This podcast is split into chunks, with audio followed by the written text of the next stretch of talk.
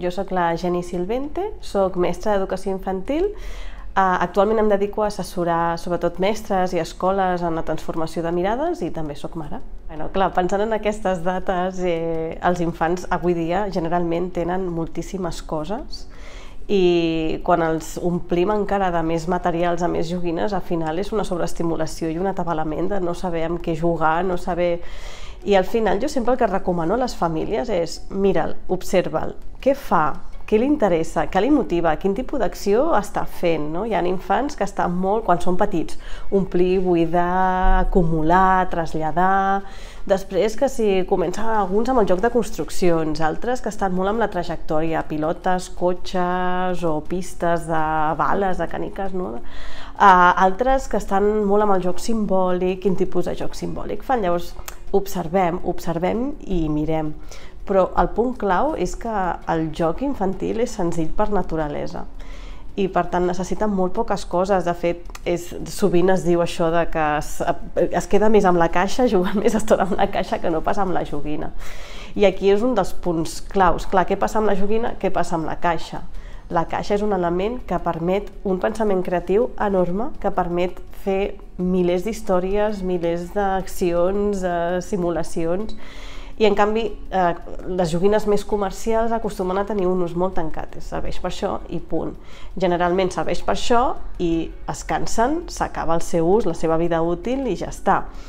Uh, per tant, jo sempre recomano materials el més oberts possible, que donin per desenvolupar tota la imaginació, la creativitat i, a més a més, materials que no tinguin una única edat d'ús perquè si no ens encasillem amb joguines de bebès, no? i són les típiques joguines que després arriba un punt que ja no fan servir perquè són joguines de bebès. En lloc de regalar-li un joc de construccions específic d'aquesta edat, li compro algun una mica més eh, aquests de fusta, que poden ser cubs, que poden tenir formes irregulars, que en aquest moment el poden fer servir per fer torres, però a mesura que vagin creixent acabaran fent minimons, les seves històries, les seves creacions, o faran servir aquestes fustes a la cuineta per fer el seu menjar, o llavors que una joguina que el pugui acompanyar durant tota la seva vida de joc, que és el que fan és la seva necessitat, el seu interès, la seva motivació i tot l'aprenentatge gira entorn a la motivació intrínseca, és a dir, aquest desig que tenen els infants a fer alguna cosa i que veiem que ho fan de forma repetitiva, repetitiva,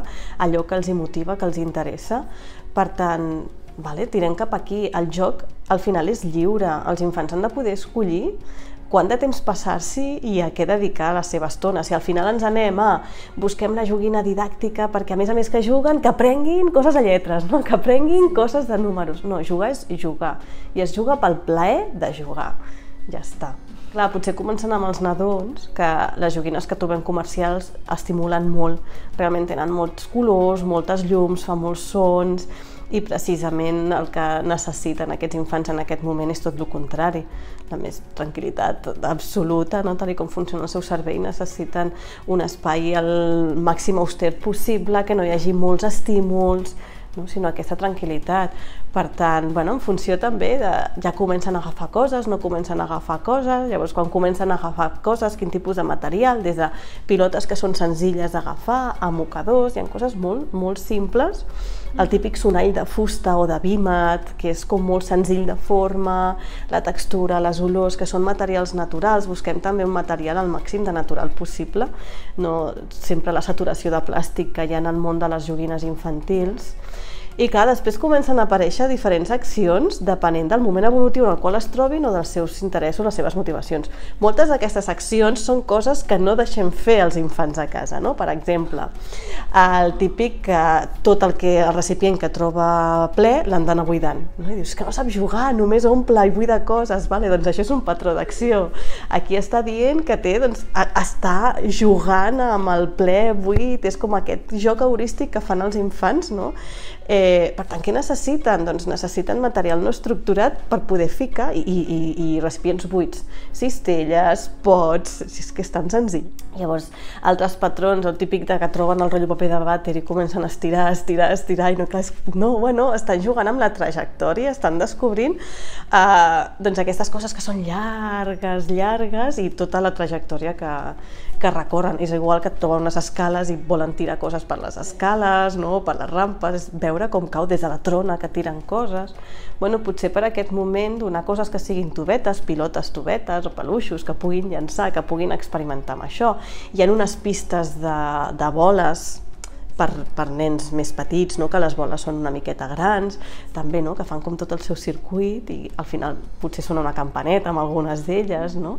també són de fusta, um, vigilar també el tema del color, que no estigui molt saturat de color, perquè el que volem és la, el protagonisme, aquí l'ha de tenir l'infant i les seves accions, no el material en si és, és un dels punts principals. Eh? Si realment veiem que té més protagonisme el material en si, per tot el que fa, eh, llavors és que no és una joguina adequada, sigui l'edat que sigui de l'infant. Vale? Després altres patrons doncs, ja quan comencen a imitar, quan comencen de seguida les famílies, ai, anem a comprar la cuineta no? perquè li agrada molt això i anem a posar realment no necessiten la cuineta i no volen les coses de joguina, volen les coses que tenim nosaltres, les reals. Per tant, bueno, també hi ha algunes firetes que s'assemblen al màxim a la realitat, que els hi podem oferir, Uh, i busques això, sobretot, material molt, molt, molt obert. Necessitat de moviment, aquests patrons, no?, de joc de lluites, cavallers, princeses, dracs... Doncs sí, el joc de lluites existeix, forma part de la infància, li hem de donar aquesta cabuda dintre dels jocs i, i hi ha des dels xurros de piscina per fer lluites o fins i tot hi ha espasses d'aquestes de fusta, amb aquests escuts, no? és com aquest moment de convertir-se en cavallers i, i lluitar, és que forma part de la infància, ara i fa 20, 30, 50 anys i continuarà formant part. Després ens ha molt d'interès amb el tema dels contes, doncs busquem uns títols que siguin suggerents, que tinguin una qualitat, hi ha uns àlbums il·lustrats al mercat que són meravellosos, amb unes il·lustracions exquisites, amb uns textos que també estan com molt ben pensats, no són qualsevol llibre, és literatura infantil. Doncs busquem això en, en llibreries especialitzades, poder... Uh, o quan estan en el moment d'expressió artística, que tots són dibuixos i dibuixos i dibuixos, doncs potser no només són rotuladors i bolígrafs i llapis, sinó podem explorar altres materials que els hi puguin doncs, generar com més creativitat. Uh, aquí hi ha um, són molt bonics i són de, venen des de les escoles Waldorf, hi ha unes ceres que estan fetes amb cera d'abella, que són uns blocs que són rectangulars, que no és el típic llapis, llavors també la forma de dibuixar és diferent, que tenen tant d'interès amb el món que els envolta, el tema dels animalons, història, tema del món científic, que llavors el que Uh, potser és tirar més cap aquí, cap a més sortides a la natura i elements d'exploració de la natura, llibres que parlen d'això, animals, d'aquests són més realistes possibles, i després també apareix en aquest moment, a partir dels 6-7 anys, que també arriba aquest moment del joc de regles, hi ha jocs de taula que són molt interessants, que hi ha vida més enllà del parxís, de l'oca, dels típics jocs de taula, que estan superbé també, però que avui dia en el mercat trobem uns jocs de taula tan competitius com cooperatius, que són meravellosos i que realment et posen en joc moltes coses que ja fan els videojocs també, no? El fet de posar-te en un rol, de seguir tota una història, d'haver de prendre decisions, de que bueno, hi hagi diferents personatges també dintre d'aquestes accions, no? I potser segurament seria com aquesta alternativa potser dels videojocs. Realment la infància, quan es parla d'infància és l'edat compresa, o sigui, abraça fins als 12 anys, la infància.